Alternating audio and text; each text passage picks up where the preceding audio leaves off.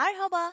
Kendimizi her şeyin yerine koyabildiğimiz kanal Mesela'ya hoş geldiniz. Ben Dürdane. İlk kaydetmiş olduğum bölümün üstünden uzun bir zaman geçti. Bu kadar boşluk olmasını ben de beklemiyordum açıkçası. Ama aksilikler silsilesi peşimi bırakmadı. Sanki evren bile bu iş için karşımda duruyor gibiydi. İlk bölümü kaydettim. Kaydettikten sonra Spotify'da paylaşırken yanlış yazmışım ismini. Sonra Spotify ile iletişime geçtim, bölümü kaldırdım. Sonra yeniden denedim. Bu sefer her şey yolunda. İlk tanışma podcast'ini yayınladım. Eee, ismi de doğru yazdım bu sefer. Yine problem yok. Eee, sonrasında bilgisayarım bozuldu. Devam edemedim. Bilgisayar temin etmeye çalıştım, yaptırmaya çalıştım ama en doğru kararın yeni bir bilgisayar almak olacağına karar verdim. Çünkü 15 yıllık emektarım artık beni kaldıramıyordu. Kendisi emekliye ayrıldı. Bilgisayarı alıncaya kadar da bu süre zarfında soğukluk girmesin araya, kendimi, hani, tamamıyla bu işten soyutlamayayım, koparmayayım diye dedim ki telefondan kaydetmeyi deneyeyim. Belki becerebilirim bu şekilde falan. Sonra telefondan kaydettim. Uygulama Sen Tut benim, eee, kaydettiğim bölümü olduğu gibi editsiz, rezalet bir şekilde Spotify'daki ilk yayınladığım podcast'in devamı olarak paylaş. Rezalet bir durumdu. Arkadaşlarım beni arayıp diyor ki "Geçmiş olsun." De dedim "Neden?" Dediler ki "Bilgisayarın bozulmuş ama biz seninle bunu konuşmadık ki. Nereden biliyorsun? Ne olur bölümü paylaşmış deme." Yani acı ama gerçek paylaşılmış dediler. Beynimden aşağı kaynar sular beynimden aşağı ne ya? Başımdan aşağı kaynar sular döküldü. Sonrasında yeniden Spotify ile iletişime geçtim. O bölümü de kaldırdım. Artık Spotify şey diyecekti, "Sen yapma ya, boş ver. Boş ver, Duduş'a podcast yok." falan. Ama yılmadım, yıkılmadım, devam edeceğim. Önüme ne kadar engel çıkarsa çıksın bu işi bir şekilde nihayete erdireceğim.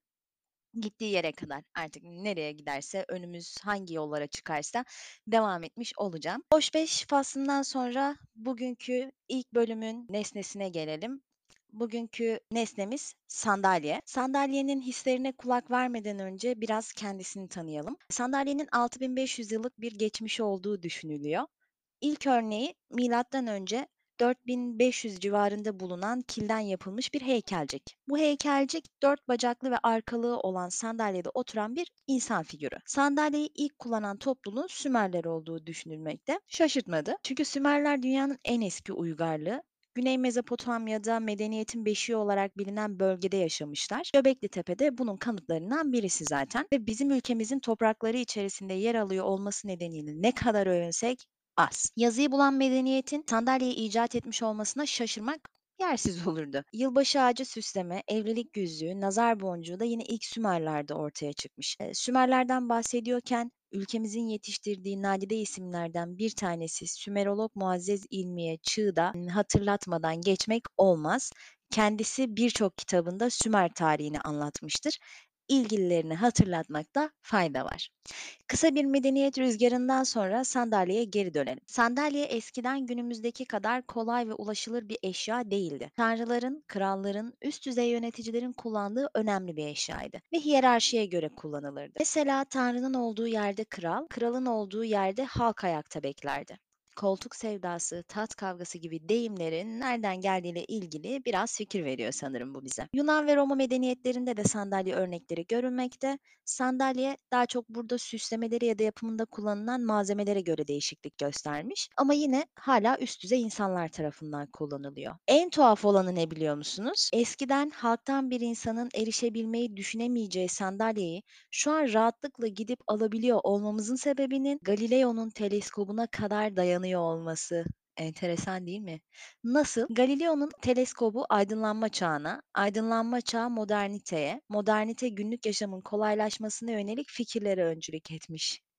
Buna kelebek etkisi demeyiz de ne diyebiliriz arkadaşlar? Neyse devam edelim. Modernizm teknolojinin gelişmesine, estetiğe, yenilikçi fikirlere ve hayatın kolaylaşmasına yönelik adımlar attığı için mobilyaları da etkiledi. Mobilyalar çeşitlenip ucuzlayınca sandalyeler halkın erişebileceği eşyalar haline dönüştü. Yani ben şahsen sandalye olsam bu düşüşü kabullenemezdim mesela. Aşk-ı Memnu Firdevs Hanım bile böyle düşüş yaşamamıştır. İngiltere ve Fransa'da Lükens ayak denilen ve günümüzde kullandığımız sandalyelerin üretimine başlandı. Nedir Lükens ayak sandalye? Ayaklarının üst kısmı önce dışa, sonra içe, sonra tekrar dışa bükülen, zarif ve S şeklini andıran sandalye türü. Bu model zarif ama ucuz modellerin yapımını sağladı ve dünya çapında yaygınlaşmasına sebep oldu. En önemli gelişme 1859'da Tannut isimli mobilyacının su buharıyla yumuşattığı ahşaptan 6 farklı sandalye ile No 14 sandalye adlı modeli üretmesiyle oldu. Onu altıda durduran şey neydi merak ediyorum ama, bir bildiği var ki 1930 yılına kadar bu model tam 50 milyon sattığı için adını tarihe yazdırdı. Bana gerçekten biraz tuhaf geliyor. Neden 6 mesela? Yani, hani, belki de kullandığımız tüm takımların 6 olmasının sebebi de bu olabilir. Yani, gerçekten öğrenmek isterdim. Neden 8 değil mesela? Neden 10 değil ya da, hani, neden 5 değil ya da neden 6 ya? Neden? Neyse, Tanıtçım. Tanıtçım mı? Sevgi ve saygılarımızla senin sayende oturuyoruz. Sandalyenin kıymetini anladık. 6 da olsa, 5 de olsa, 10 da olsa teşekkürler. Devam edelim. İşte dünden bugüne sıradanlaşmanın alasını yaşayan ama olmazsa eksikliğini hissedeceğimiz, günlük yaşamımızın vazgeçilmez unsurlarından biri olan sandalye sizlerle. Kendinizi hiç benim yerime koydunuz mu? Ya bir sandalye olsaydım mesela? Hareket kabiliyetinizin hiç var olmadığını düşünün. Birileri sizi istediği yere çekiştiriyor. Olman ya da olmaman gereken yere imliyor. Karar mekanizmasının olmadığını düşünün mesela. Bugün canım masanın yanında olmak istemiyor. Bir konuda tartışmışız. Ben bugün yalnız kalmak istiyorum diyerek evin başka bir odasına çekip gidemiyorum. Çünkü beni kullanan insanın bana o odada ihtiyacı yok. Bu yüzden masanın gudubet yüzüne bakmak zorunda kalıyorum. Sizde olduğu gibi bizim de farklı türlerimiz var tabii. Mesela bir kuzenim katlanabiliyor. Mecazi anlamda değil, gerçekten katlanabiliyor. Bizleri taşırken çekmekle uğraşmayın diye dörde ya da ikiye katlanacak kadar kolaylaştırdılar. Bugünlerde sandalye olmanın da eski ağırlığı yok. Eskiden salon sandalyesi olmak büyük saygınlıktı mesela. Yılda bir ya da iki kere kullanılırdı. Bulunduğu odanın kapısı açılmaz, oymaları ve motifleri özenle temizlenirdi. Herkes salon sandalyesi olarak doğmak isterdi. Hepimize nasip olmuyor. Gerçi atalarımızı düşününce salon sandalyesi de neki diyorum tabii. En şaşalı dönemi krallara hizmet ettiği, kralın bile kendinden çok önem verdiği zamanlardı. Hatta düşününce atalarım yaşattığı kaosla neredeyse dünyaya hükmediyordu. Nereden nereye? Neyse, kuzenim katlanırın en büyük avantajı dışarıda kullanılıyor olması. Hiç değilse temiz hava, deniz, orman görüyor. Salon sandalyesi kadar heybetli değil ama şimdilerde en çok talep katlanıra geliyor. Bir de plastik beyaz sandalyeler var. Bilirsiniz. Bana hep mağrur gelmiştir. Üzerinde ya bir yas havası ya mahalle düğünü eğlencesi var.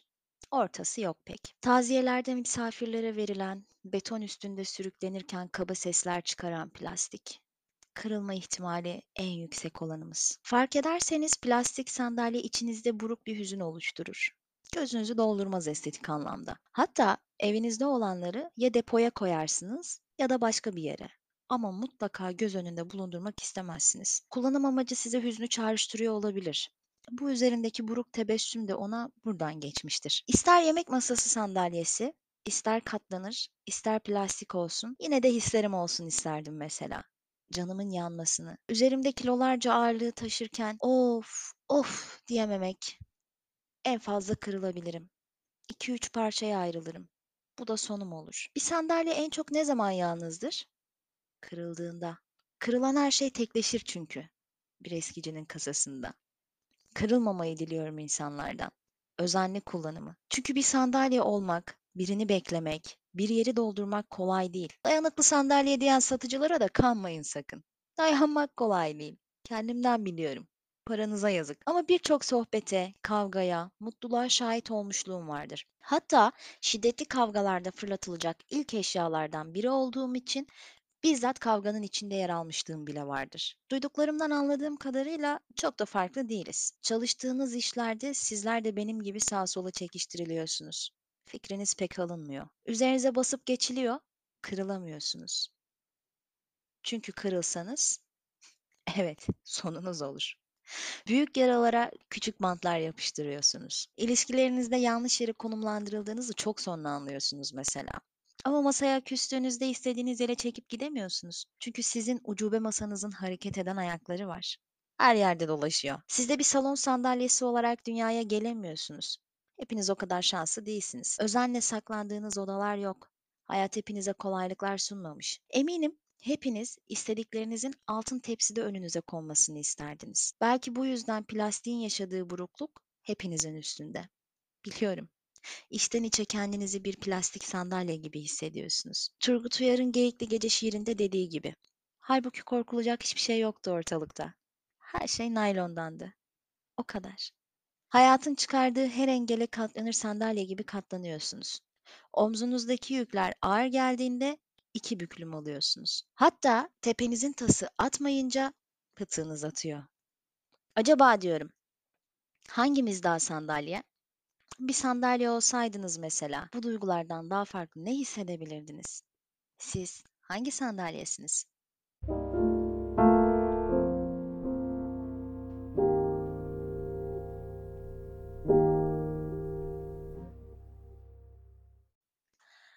Evet, soruyu sordunuz mu kendinize? Ben hangi sandalyeyim dediniz mi? Ya da kendinizi sandalyenin yerine koyarak düşündünüz mü gerçekten? Ya çünkü hedefim buydu. Ben kendimi uzun süredir sandalye miyim acaba diye düşünmekten alıkoyamıyorum ama kendimi buna kaptırırsam sandalye olduğuma o kadar inanacağım ki gerçekten ben bir sandalyeyim diyeceğim. Yine de sandalyenin bizden istediğini ben de sizlerden diliyorum. Kırılmayın. Tepenizin tası dağıtmasın, fıtığınız da oynamasın. Hepimiz sandalyenin yaşadığı düşüşü yaşayabiliriz. Kalkarken çatlaklarımız da oluşabilir. O çatlaklarınızdan çiçekler açmasını diliyorum efendim. Ömrünüz bahar bahçe olsun. Bir sonraki bölümde görüşmek üzere. Şimdilik hoşça kalın.